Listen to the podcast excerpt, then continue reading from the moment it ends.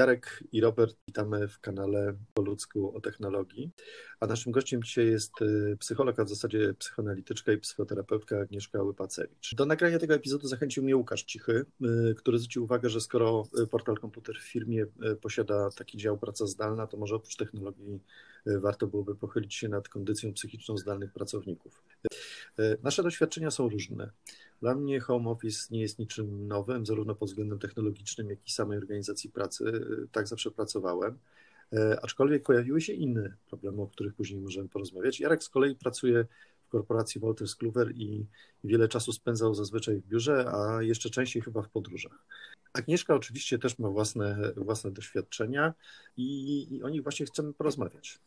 Tak, my pomyśleliśmy sobie, że żeby dodać pikanterii e, tej całej rozmowie, to e, spróbujemy, bo, bo, bo teraz się mówi o tym, że ok, zaraz się zaczną jakieś poluźnienia, rozluźnienia, e, część z nas może wróci do biura i tak dalej, ale pomyśleliśmy sobie, że a gdyby, a gdyby się okazało, że jednak one nie nastąpią, że po prostu, że po prostu wszyscy będziemy musieli długofalowo pracować z domu, że nasi listonosze znakomicie się sprawdzą przy okazji e, wyborów i, e, i, i zostanie im rozdana broń palna i jak ktoś będzie się wychylał z, z domu, to będzie natychmiast się do niego strzelało. I jak sobie w tej sytuacji poukładać życie, żeby się dało po prostu funkcjonować długofalowo w takiej sytuacji? O, tak, tak myślimy. Co tu zrobić?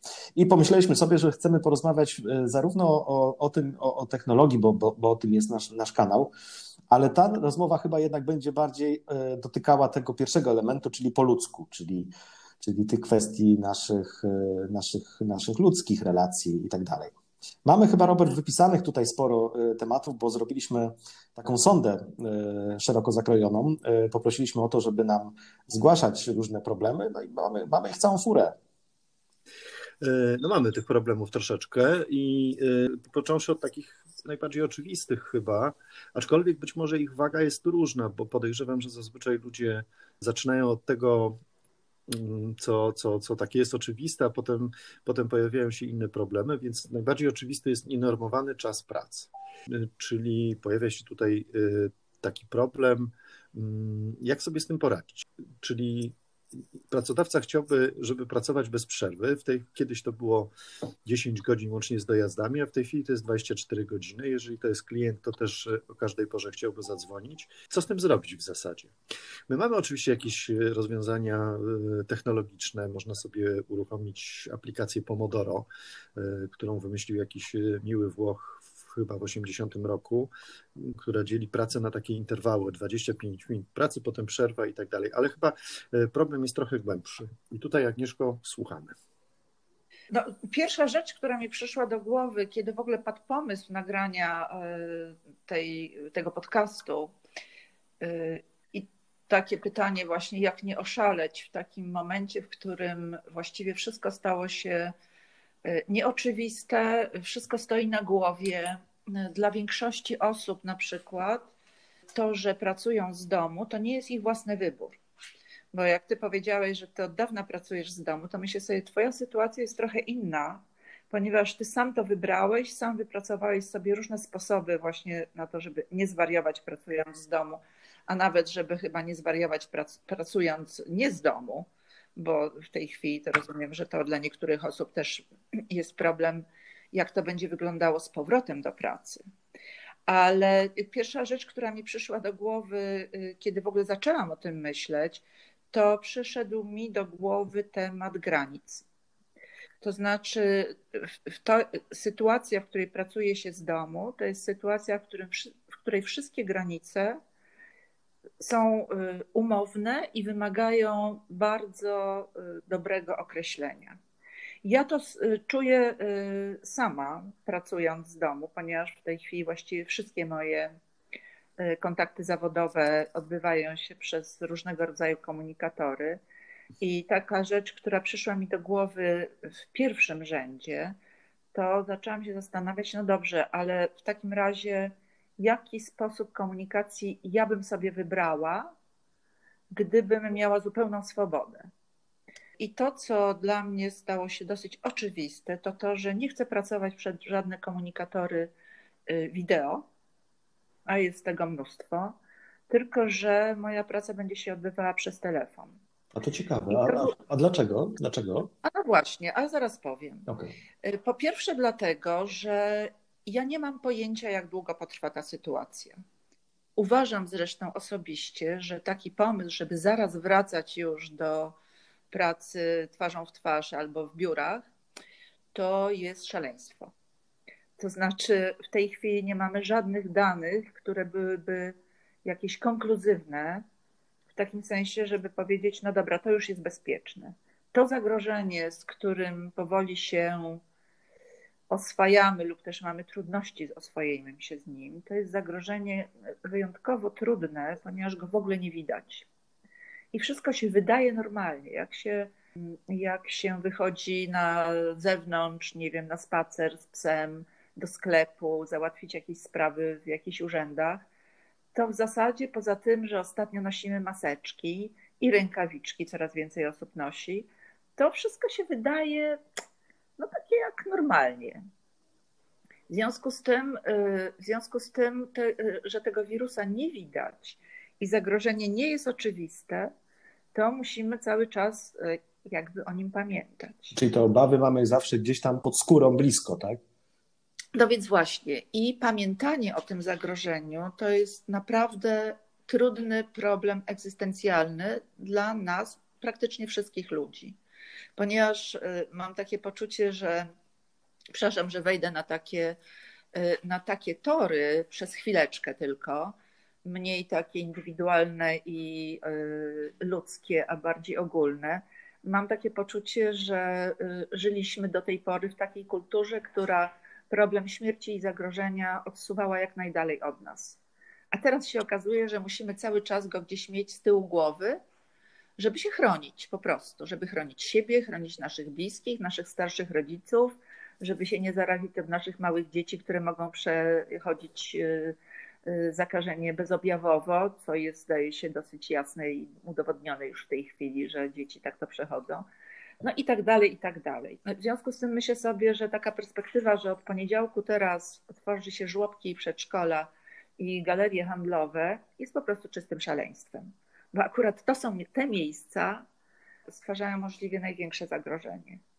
I w związku z tym będziemy musieli znowu zacząć zaprzeczać temu zagrożeniu, jeżeli będziemy chcieli korzystać z tego. Będziemy musieli powiedzieć: Nie, nie, mojemu dziecku nic nie grozi, to poślę je do przedszkola. Mhm. Nie, nie, proszę bardzo, mogę sobie zrobić zakupy w jakiejś Ikei, Duce czy Carrefourze i mm, nic się nie stanie. To bardzo ciekawe, bo jednocześnie w tym samym czasie będziemy karmieni e, bez przerwy, tak jak jesteśmy cały czas, przez telewizje informacyjne, komunikatami.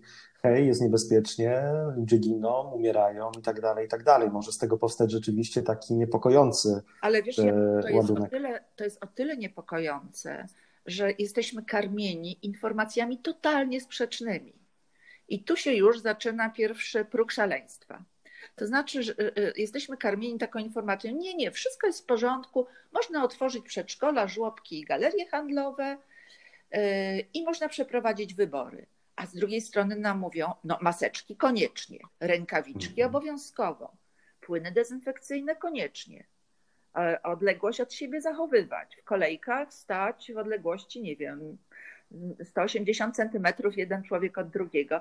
I to po prostu normalnemu, zdrowemu człowiekowi, właściwie nawet powiedziałabym, nie powinno się mieścić w głowie, bo to są kompletnie sprzeczne informacje. I jeżeli nam się to mieści w głowie, to uważam, że jesteśmy, jakby zrobiliśmy już pierwszy krok ku szaleństwu. Ale wracając do, do, do bardzo ciekawe, bo I... prawdopodobnie tak jest, ale wracając do tej perspektywy indywidualnej, tak. bo powiedziałaś o tych granicach, tak. a te granice są faktycznie potrzebne, może my ich w ogóle nie potrzebujemy, może jesteśmy w stanie funkcjonować bardzo płynnie, przechodzić od jednej e, roli do drugiej, one się mogą mieszać i tak dalej, może te granice, może trochę to fetyszyzujemy, może ich nie potrzebujemy.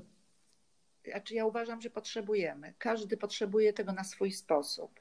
Ja nie wierzę, że są y, takie reguły y, czarno-białe, że to jest zero-jedynkowe i myślę sobie, że jest to kontinuum. Są tacy ludzie, którzy potrzebują takich zewnętrznych granic, takich ustalonych y, symbolicznie w stopniu małym, a są tacy, którzy potrzebują ich bardzo, bo inaczej sami zaczynają się rozpływać. ale, ale to są takie granice, które są związane z takimi no, małymi konkretami. Na przykład, że pracujemy na jakiejś infolinii z domu. I tutaj nam wchodzi dziecko do pokoju i mówi: Tato, mamo, siusiu.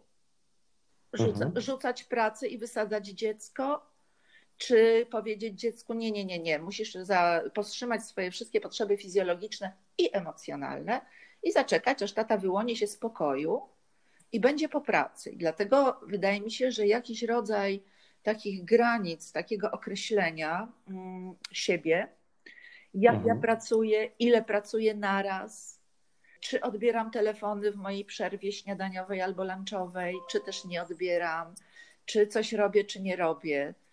W sensie takim no, najprostszym fizycznym, bo to nie znaczy, że na przykład można zupełnie sobie zabronić zajmowania się tym w umyśle, prawda? Ale jednak jakiś taki zakres y, tego, co jest możliwe mhm. albo niemożliwe, wydaje mi się tutaj bardzo, mm, bardzo ważny. I ważne mhm. jest, żeby każdy na swój własny użytek oraz zawierając pewne kompromisy z domownikami, którzy są w tej samej sytuacji co my, po prostu ustalił sobie taki zakres. Wydaje mi się, że to jest potrzebne i to, żeby z samym sobą to ustalić, i to, żeby mm, ustalić to z osobami, z którymi się no, spędza ten czas w tej chwili 24 godziny na dobę.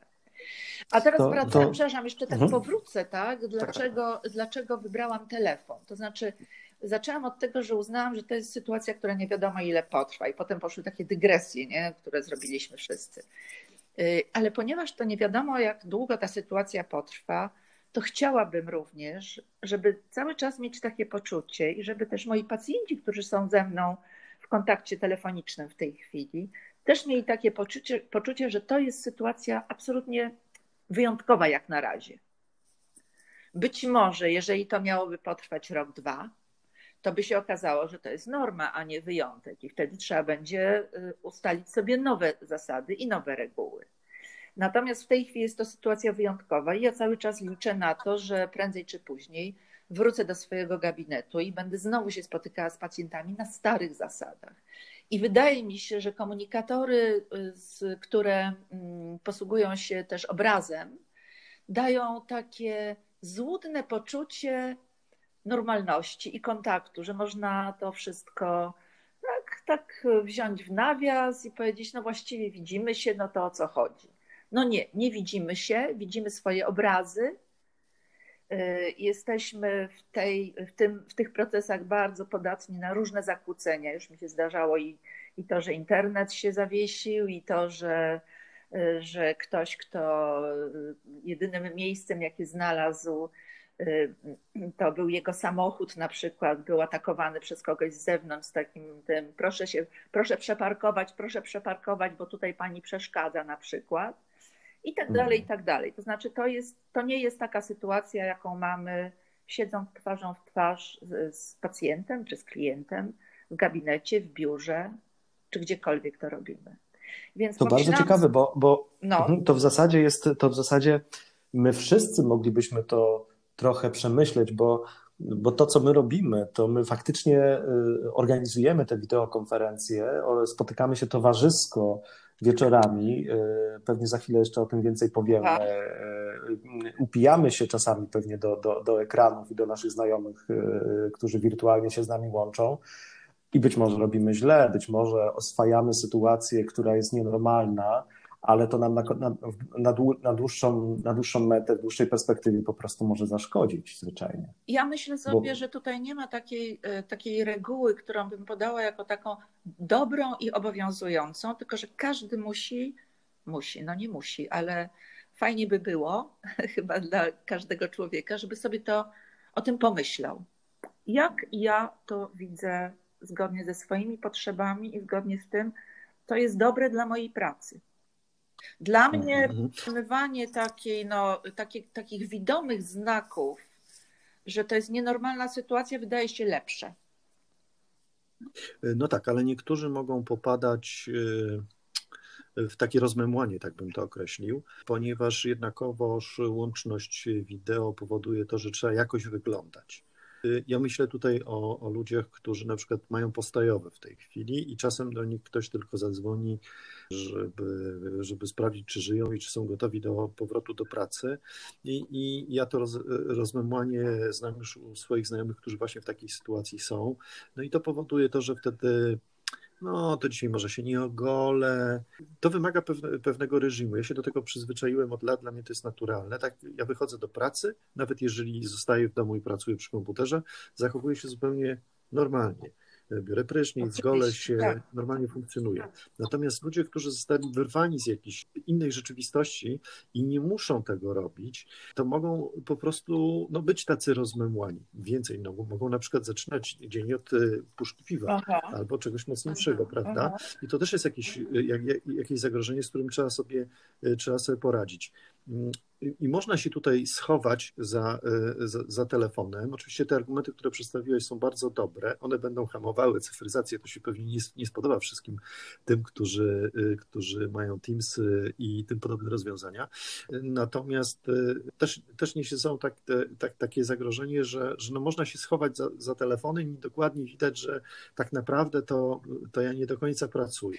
A wszyscy ode mnie tego by jakoś tam oczekiwali, żebym był taki zwarty w garniturze, no nie wiem, czy w jakimkolwiek innym surducie. Zgadzam się z Tobą, ale tutaj widzę takie dwa mm, problemy. Jeden to taki, że właśnie o tym mówię, żeby człowiek sobie ustalił pewne granice i w ramach tych granic i zachowywania i przestrzegania tych granic, na przykład dla mnie też jest coś takiego, że nie zaczynam pracy przez telefon w piżamie, w szlafroku, e, nieumyta, tak?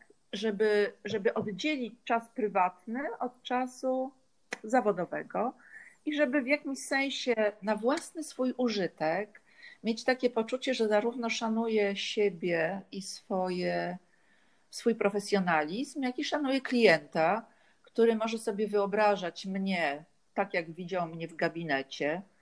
To od razu mówię, ja w gabinecie nie byłam w żakieciku ani w żaden taki służbowy sposób ubrana i raczej mam takie, powiedziałabym, luźny sposób zachowania się, ale to już jest po prostu, każdy sobie wybiera, jak to, e, jak to sam e, ze sobą e, może ustalić. Niemniej jednak, żeby z szacunku dla swojej pracy i dla uczuć klienta, pacjenta, w jakimś sensie zachować właśnie taki mm, profesjonalny sznyt.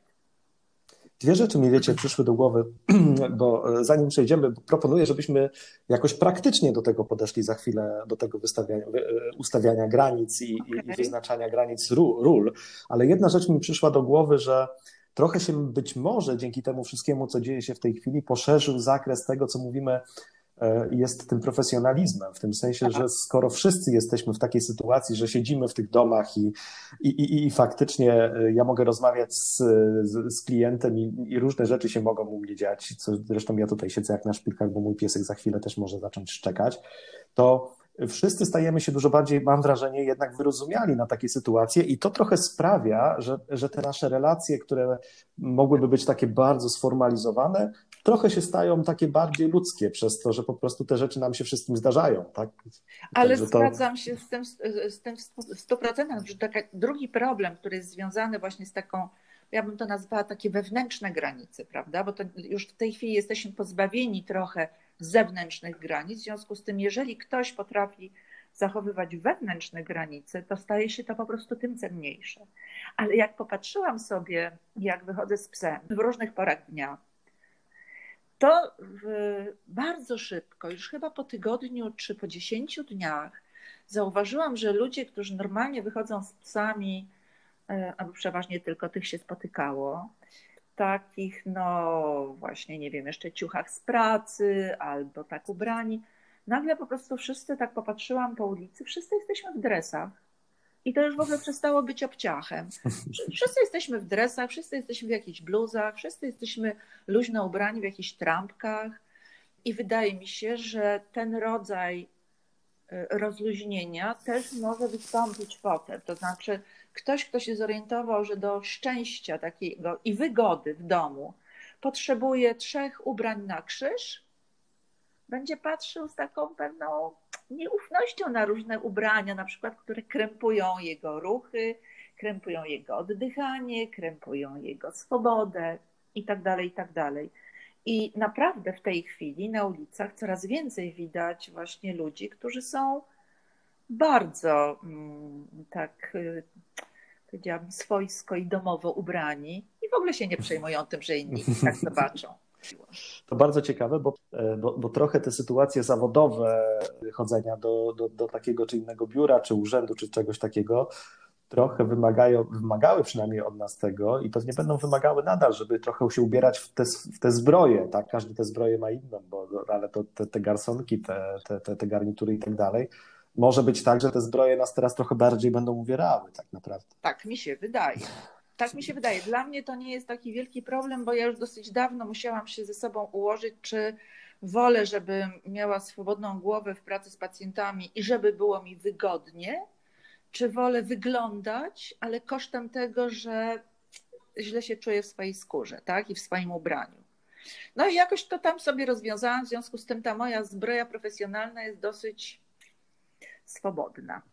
Więc myślę, że stosunkowo mało mnie będzie cisnąć. Niemniej jednak na przykład jest pytanie, czy się porządnie umyjemy, czy weźmiemy prysznic, czy umyjemy głowę, czy to, że pracujemy przez telefon zwalnia nas od umycia zębów o ósmej, tylko możemy to sobie przyjąć, no, no to po południu i tak dalej, i tak dalej. I ja wiem, wiem z rozmów z ludźmi, to nie tylko z pacjentami, a przede wszystkim nie z pacjentami, tylko z różnymi znajomymi, że to są poważne problemy w tej chwili.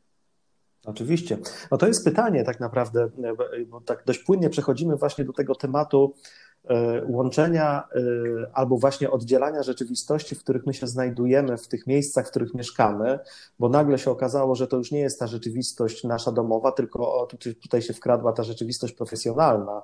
I ja rozmawiając z wieloma osobami z mojego otoczenia, zauważyłem, że one nagle zaczęły dostrzegać wagę na przykład podróży do pracy i z pracy. O, bo tak. nagle to się, ta, ta, podróż z pracy, ona nagle się stała taką śluzą tak. pomiędzy tą rzeczywistością zawodową, a prywatną. I teraz, i, to był taki czas, w którym, w którym ten, ten mózg się mógł trochę zresetować, mogliśmy się na coś wkurzyć, że ktoś nam zajął tak. ostatnie miejsce w tramwaju, albo nie zdążyliśmy na ten tramwaj, albo no jakby różne rzeczy się mogły zdarzyć, które sprawiały, że ten nasz mózg jakby, no, przepraszam za tę koncepcję domorosłą, nie wiadomo skąd, ale okej, okay, że on po prostu trochę zmieniał tę perspektywę, a teraz jest po prostu tak, że ja siedzę przy komputerze, odwracam się i ta rzeczywistość domowa, ona mnie natychmiast wciąga i oczekuje, że ja będę zwarty, gotowy i po prostu będę tu funkcjonował. Pytanie, czy można coś poradzić na to, czy możemy jakieś praktyczne rady tutaj dać, jak sobie z tym poradzić, a może ten problem jest wydumany, może go nie ma w ogóle. Ja myślę, że jest. Ja to w pracy psychoterapeutycznej odczuwam szczególnie, bo y, to, co, y, to, to czego pacjentom najbardziej, może nie najbardziej, ale jedną rzeczy, których najbardziej im brakuje, to właśnie ta droga do gabinetu i z gabinetu. Ja bardzo się zgadzam z tym, co powiedziałeś o takiej śluzie. Ja bym powiedziała, że to jest takie wejście w taki obszar przejściowy troszeczkę, w którym już nie jesteśmy w pracy, jeszcze nie jesteśmy w gabinecie, potem przestępujemy próg i znajdujemy się w takim miejscu, które jest no takim symbolicznym, bezpiecznym, powiedziałabym, bąblem. Dla wielu osób takim miejscem była praca i własny gabinet, własny pokój. Y, chociaż dla niektórych osób, które pracowały na, czy tak pracowały na open space'ach, y, to już nie było takie oczywiste, prawda? Ta ich prywatność też y, była cały czas pod obstrzałem i naruszana. Ja pamiętam y, jeszcze przed y, czasami pandemii, jak przysłuchiwałem się y, rozmowom takich młodych kobiet, gdzie przytrafiło się ta praca, ta praca zdalna, poniekąd przymusowa raz w tygodniu, tak? I one się zastanawiały, co, jak ja mam sobie poradzić? Ja mam małe dziecko, przyjdę do domu, i, I, co ja mam zrobić? To dziecko to będzie mi zawracało głowę, to ja mam wyjść do kawiarni. Teraz nie możemy wyjść do kawiarni, i musi z tym dzieckiem jakoś funkcjonować, które wchodzi na parapet tak, albo coś tak, innego chce. I tutaj jest taki problem, który właśnie też, też, też zebraliśmy w ramach tej naszej sondy. Jak efektywnie być w pracy i wyjść z pracy, bo technologia na to pozwala, tak? Można sobie uruchomić program Pomodoro, o którym wspomniałem, czy Todoist, co mam dzisiaj do zrobienia i tak dalej. Można zaprogramować sobie urządzenie dowolne, żeby wyłączyło się o określonej porze i nie będzie odbierało e, telefonów oprócz znajomych, na przykład jeżeli chcemy być w kontakcie ze znajomymi. Natomiast to nie jest chyba kwestia e, technologii tak do końca, bo to jest bardzo proste do zrobienia. Natomiast e, ciągle jest ten taki niepokój, że może szef jest nieufny albo klient i uznaje, że nie reaguje właściwie i to jest troszkę inne podejście. Moje podejście jest takie, że skoro do mnie dzwonią, to mnie potrzebują, tak? tak. Bo ja, ja, trochę pracuję tak. na akord. Natomiast ci, którzy pracują na etacie, e, to mogą dochodzić do wniosku, że ich to gniecie, że, że są śledzeni, e, że nie, jest taki brak zaufania, że oni mi nie ufają, że ja rzeczywiście pracuję, bo niby jak ja mam to udowodnić? E, jeżeli ja mam do napisania jakiś artykuł, no to efektem mojej pracy jest ten artykuł, tak? Natomiast jeżeli czyjeś jakieś działania nie są w tak prosty sposób mierzalne, to ma taki chyba psychiczny problem, no, no tak, no ale, ale oni mi nie ufają, jestem jakiś zaszczuty. I, i co z tym no, zrobić? To jest bardzo ważny problem. Znaczy, wydaje mi się, tutaj są e, takie dwa obszary, o których war, nad którymi warto się zastanowić mm, każdy w, swojej, e, w swoim umyśle chyba. To znaczy, pierwszy obszar to jest związany z tym, jak mogę sobie poradzić z tym, żeby w sposób symboliczny przyjść do pracy i wyjść z pracy. Ja, wydaje mi się, że tutaj na ratunek y, przychodzą takie rzeczy, które bym nazwała rytuałami.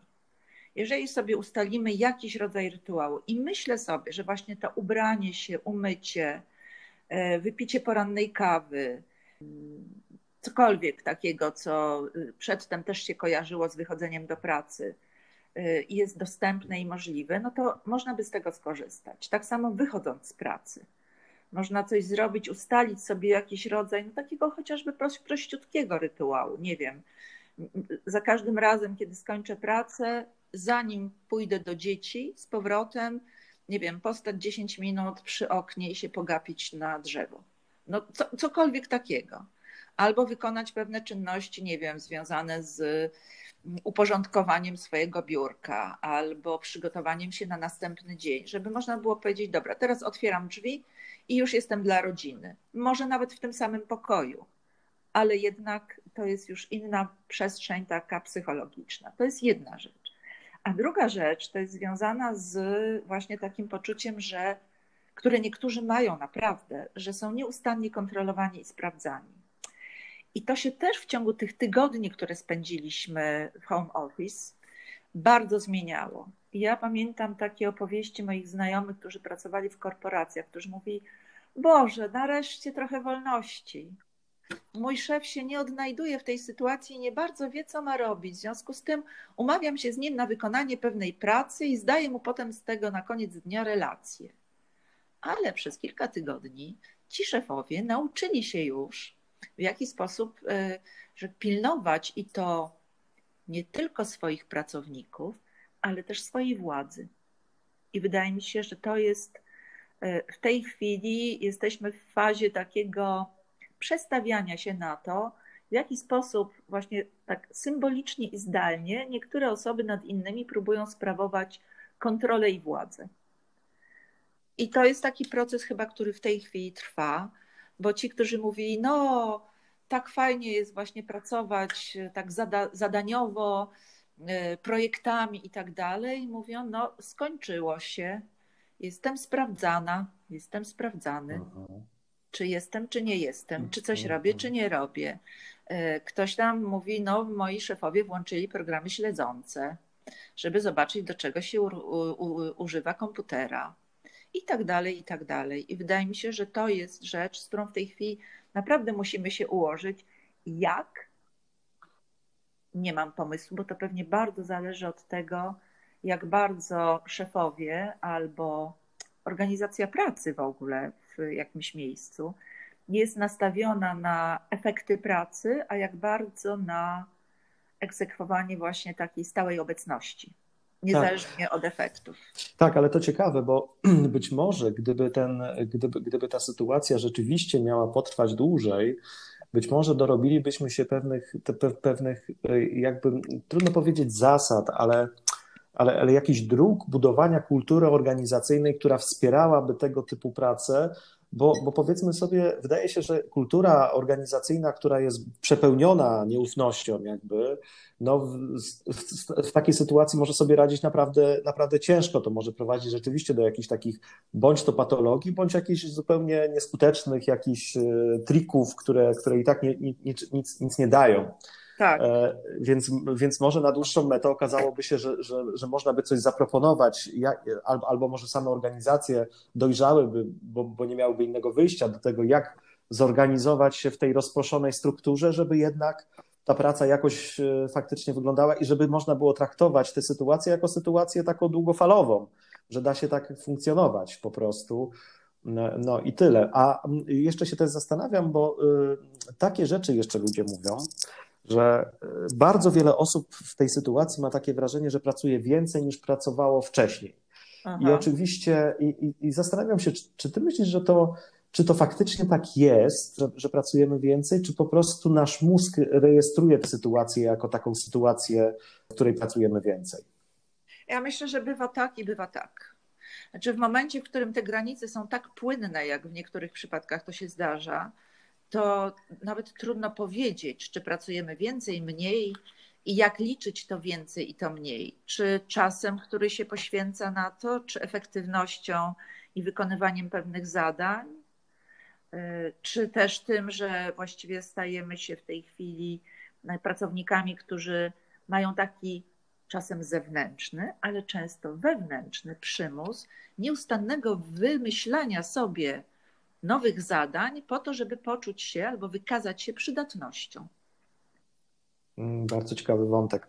Bardzo ciekawy, ale tu już to ja powiedziałabym, tu już trochę wychodzę poza swoją rolę, bo ja się nie zajmuję organizacją pracy. I to, co przychodzi mi tylko do głowy z takiego właśnie psychologicznego, wewnętrznego punktu widzenia, to taka, taka myśl o tym, że to jest sytuacja, w której możemy sprawdzić swoje zdolności negocjacyjne. Mhm. I jedna i druga strona, i pracownicy, i ich szefowie, i szefowie szefów, i właściwie cała organizacja, tak? Na ile na przykład gotowość do negocjacji jest wartością, która może być cenna w jakiejś e, firmie czy w jakimś miejscu. Mhm.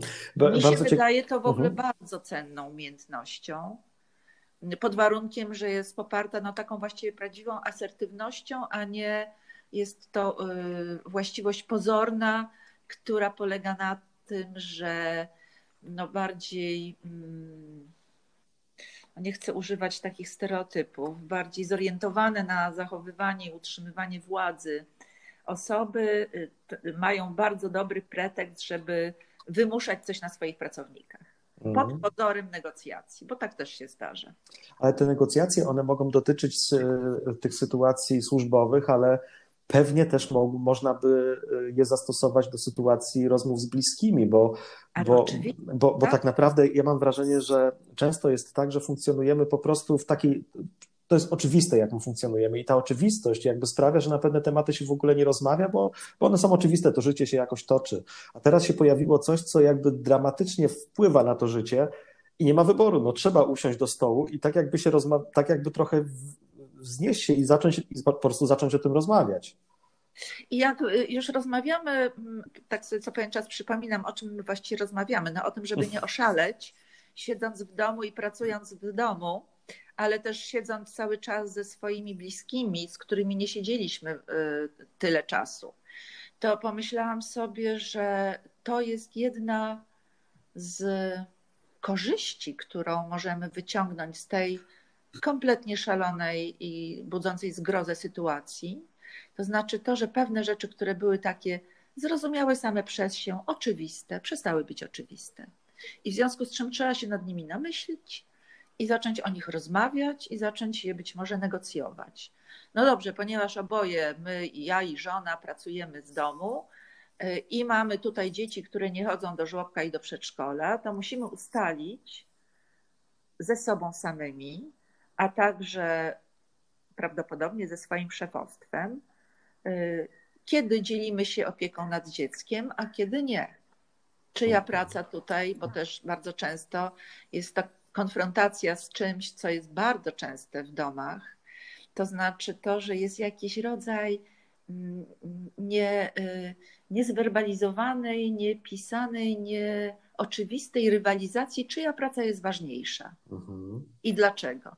Czy na przykład ta praca jest ważniejsza, dzięki której mamy w domu więcej pieniędzy, czy ta, która co prawda nie przynosi takich pieniędzy, ale jest związana z jakimś rodzajem misji i tak dalej, i tak dalej. Znaczy to rozumiecie, to jest, to jest taka rzecz, która jest bardzo otwarta w tej chwili i naprawdę jeżeli by ludzie potrafili ze sobą normalnie, asertywnie i życzliwie rozmawiać, to mogą z tego wyniknąć bardzo ciekawe wnioski dla rodzin też. No właśnie, tylko y, ja się niestety obawiam, że, że niekoniecznie potrafimy to nie są takie kompetencje, które, które mamy, albo kiedyś je mieliśmy, ale je zatraciliśmy.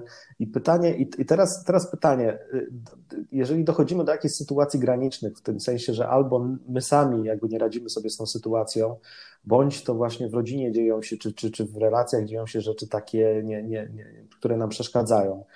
Czy ty myślisz, że w tym dziwnym, głupim czasie, zupełnie bardzo praktycznie do tego podchodząc, możemy liczyć na, na czyjąś pomoc? Terapeutów? Hmm? Terapeutów, coachów. Tylko tak dziwnie, nie? Bo jest, jest, jesteśmy online, nie? Nie możemy się spotkać, nie? Ale konsultacje online też się zdarzają i wydaje mi się, że to, z czym ludzie przychodzą w tej chwili na konsultacje, to w, pewnej, w pewnym stopniu jest związane z nową sytuacją, w której, w której się znaleźli, taką osobistą, interpersonalną, też intrapersonalną, pewnymi ograniczeniami, niemożnościami, konfrontowaniem się z pytaniami, które staraliśmy się od siebie odsuwać jak najdalej na poziomie no, społecznym, ale też na poziomie osobistym. E, ja chciałbym jeszcze jedną kwestię podrzucić, bo e, wydaje mi się, że może się pojawić taki, taki kłopot, jeżeli mówimy o takiej dalszej perspektywie, której e, pan minister Szumowski wspomniał, że może to dwa lata potrwa albo dłużej, to może się pojawić po pewnym czasie takie znużenie w zasadzie po co ja mam pracować skoro tak, nie mogę wychodzić z domu, wakacji nie będzie, y, czyli do, całe dotychczasowe mm, hedonistyczne życie y, upadło, samochód mi jest niepotrzebny, a muszę spłacać kredyt czy tam leasing i tak dalej. Jak sobie poradzić z taką sytuacją? Jak się w ogóle motywować do tego, żeby jeszcze działać, jeżeli, jeżeli to wszystko w zasadzie sprowadza się do takich czysto fizjologicznych rzeczy? Dla mnie to jest pytanie, które właściwie jest jednym z takich pytań, które cały czas ja zachęcam ludzi do tego, żeby mieli z tyłu głowy. Ono nie jest y, prostym pytaniem. W różnych momentach swojego życia mamy na nie różne odpowiedzi. W związku z tym to jest coś takiego, co się zmienia w ciągu życia. To, jaką wartość nadajemy pracy, co uważamy, że musimy, co powinniśmy, na co się decydujemy, i wydaje mi się, że ja nie potrafię odpowiedzieć na to pytanie, bo tych odpowiedzi jest tyle, ilu ludzi przychodzi, ale to jest pytanie, które bardzo często w końcu kiedyś pada w moim gabinecie terapeutycznym. Po co mi to wszystko? No, tak, ale to, to pytanie trochę się znaczy nabrało in, innych akcentów, tak. bo, y, bo wcześniej można było się zastanawiać nad swoim sensem egzystencjalnym y, w takiej filozoficznej jakiejś aurze, tak? a w tej chwili mamy ograniczenia fizyczne, czyli w zasadzie wszystko to, czego y, ludzie się dorobili, albo wszystkie plany, które mieli, no są nieaktualne, bo pojawiły się rzeczy niepotrzebne, ludzie niepotrzebni i w zasadzie no po co tu się pinać, skoro i tak nie mogę z, ze sobą niczego zrobić, tak? Nawet, nawet nie mogę za bardzo wyjść na zewnątrz, a na zewnątrz jak wychodzę, to moje takie spostrzeżenie. Ja się źle czuję, bo ludzie na mnie jakoś tak wilkiem patrzą, w sklepie są nieuprzejmi. Najlepiej to, jakbym się skupił tylko na e, takich podstawowych zupełnie e, produktach. no to, no, to, no, no to w zasadzie po co to wszystko, tak? Szuka się jakichś stref dekadencji, ja taką znalazłem na bazarze, e, gdzie, gdzie widziałem nawet kobietę, która szła bez maseczki, bez rękawiczek i paliła papierosa. No to w ogóle jak seks misji po prostu ta i być może będziemy szukali niedługo takich stref dekadencji. Ale już szukamy. E, Gdyby nie to, że się wzmogły patrole nad Wisłą, to bulwary byłyby zapełnione dzieciakami. Zapełnione. Ja jak nocami wychodzę z psem na spacer, a wychodzę często nocami, żeby właśnie mieć taką swobodę i żeby pies sobie mógł pobiegać i tak dalej po pustych ulicach, no to z otwartych okien na Starym Mokotowie po prostu wali muzyka i dzieciaki się bawią na całego czasami. Więc te strefy dekadencji każdy sobie gdzieś tam znajduje, każdy, nie każdy, ale niektórzy sobie gdzieś tam znajdują. Natomiast też chciałam powiedzieć, że ja słyszę i rozumiem to, co mówisz o tym, że ludzie na siebie patrzą nieżyczliwie, ale muszę powiedzieć, że ja tego w ogóle nie zaznałam. To znaczy, dawno już nie miałam takiego uczucia, że tak ciepło i życzliwie ludzie ze sobą rozmawiają w sklepach, ucinają sobie pogawędki ze sprzedawcami. Nigdy się tyle nie dowiedziałam o moich y, tutaj kolegów sprzedawców ze sklepów pobliskich niż teraz bo nie miałam takiej potrzeby. A teraz najwyraźniej wszyscy są tak zgłodnili tego kontaktu, że jeżeli tylko coś się uda, no to po prostu z tego korzystają. Więc moje osobiste doświadczenie jest takie, że co prawda ja widzę w internecie te straszne ataki, ten hejt na ratowników medycznych, na lekarzy. Słyszę to wszystko, natomiast osobiście tego nie zaznałam. Więc myślę sobie, że no widocznie można jakoś tak sobie zorganizować najbliższe otoczenie, w którym to jest możliwe jakoś inaczej. Myślałam sobie o tych ludziach niepotrzebnych, bo dla mnie to jest naprawdę jeden z najpoważniejszych problemów w tej chwili. Mm. Że są ludzie, którzy mówią: No dobrze, siedzę w domu, z nikim nie rozmawiam, nikt się do mnie nie odzywa, y, jestem właściwie zbędny. To jest strasznie depresyjne uczucie. I tutaj wydaje mi się, że takie miejsca, które mają jakoś bardziej rozwiniętą taką sieć kontaktów społecznych, bardzo pomagają. To, że sąsiedzi wychodzą właśnie na balkony, to, że jeden młody sąsiad lata po wszystkich starszych y, sąsiadach na klatce i pyta się, czy nie zrobić im zakupów, to stwarza też taką sytuację, w której co pewien czas człowiek czuje się przynajmniej dostrzeżony i jako taki potrzebny. Tworzy pewną sieć. I strasznie mnie boli, strasznie mnie boli naprawdę, że przez tyle lat po transformacji tamtej, z początku lat 90., nie potrafiliśmy zainwestować w budowanie takiego zaufania społecznego. A nie potrafiliśmy i to widać teraz gołym okiem. Miejsca, które są tradycyjnie do tego przyzwyczajone, na przykład właśnie stare dzielnice, stare kamienice, gdzie ludzie znają się od 50 lat, gdzie wiadomo, że już mają ze sobą relacje na poły prywatne, a nie tylko takie właśnie sąsiedzkie, dzień dobry, dzień dobry. To są miejsca, które naprawdę są enklawą zdrowia społecznego w tej chwili, w moim przekonaniu. Ale to nie znaczy, że nie możemy próbować tego budować teraz, tak? W tak. sytuacji zagrożenia. Tak, bo ja mam, ja mam, muszę powiedzieć, rzeczywiście podobne odczucia mm, do ciebie, Agnieszko, jeżeli chodzi o o te relacje międzyludzkie i też mam takie wrażenie, że coś nas wszystkich dotknęło i to coś sprawiło, że my się czujemy, y, że, że trochę się na siebie bardziej otworzyliśmy.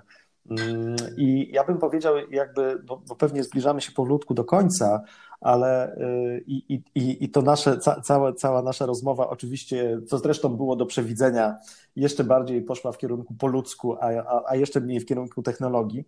E, natomiast e, patrząc, szukając jakichś pozytywów, to ja bym powiedział, że z różnych nieszczęść, które jakby mogły nam się jako ludzkości przytrafić, które by wybiły nas trochę z takiego właśnie entuzjastycznego, bezrefleksyjnego oparcia naprzód nie wiadomo po co, to być może to jest najłagodniejsze, co nam się właściwie mogło przytrafić. I, i być może y, rzeczywiście pytanie, czy będziemy w stanie z tego rzeczywiście wyciągnąć jakieś, y, jakieś wnioski, bo może nagle się okaże, że ten. Mam, mam takie wrażenie, i oczywiście znowu to jest strasznie domorosła teoria y, niczym nie poparta, że jako, człowiek, jako ludzie żyliśmy trochę zagubieni w świecie, który y, z jednej strony wydawał się na wyciągnięcie ręki, a z drugiej strony, bo przecież możemy w każdej chwili polecieć na, teoretycznie w dowolne miejsce na Ziemi, jeżeli nas tylko na to stać.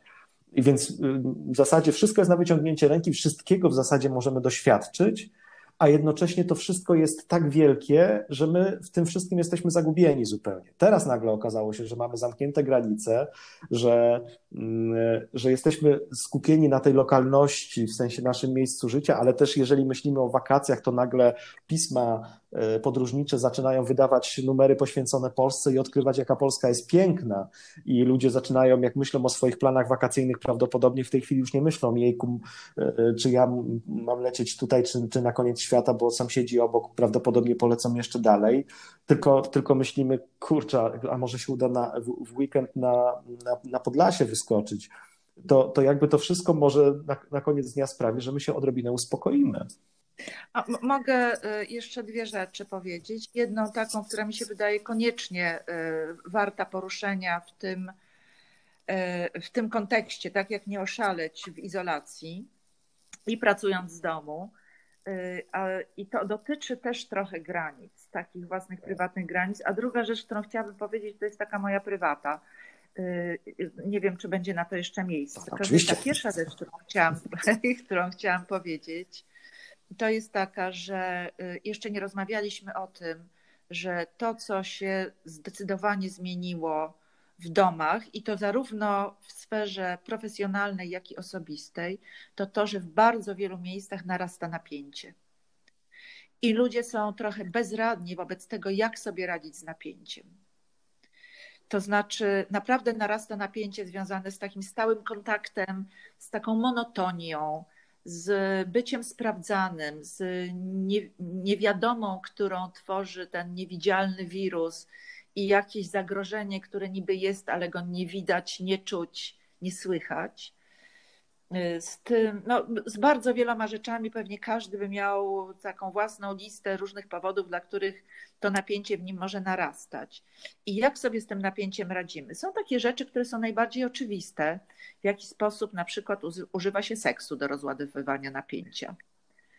I wydaje mi się, że to jest też bardzo poważny problem, y, który się wiąże z wieloma implikacjami. To znaczy, jedna jest taka, że to ty powiedziałeś przed naszą rozmową, że być może po y, szczęśliwym zakończeniu albo jakimś zakończeniu tej pandemii y, wzrośnie liczba urodzin dzieci oraz rozwodów.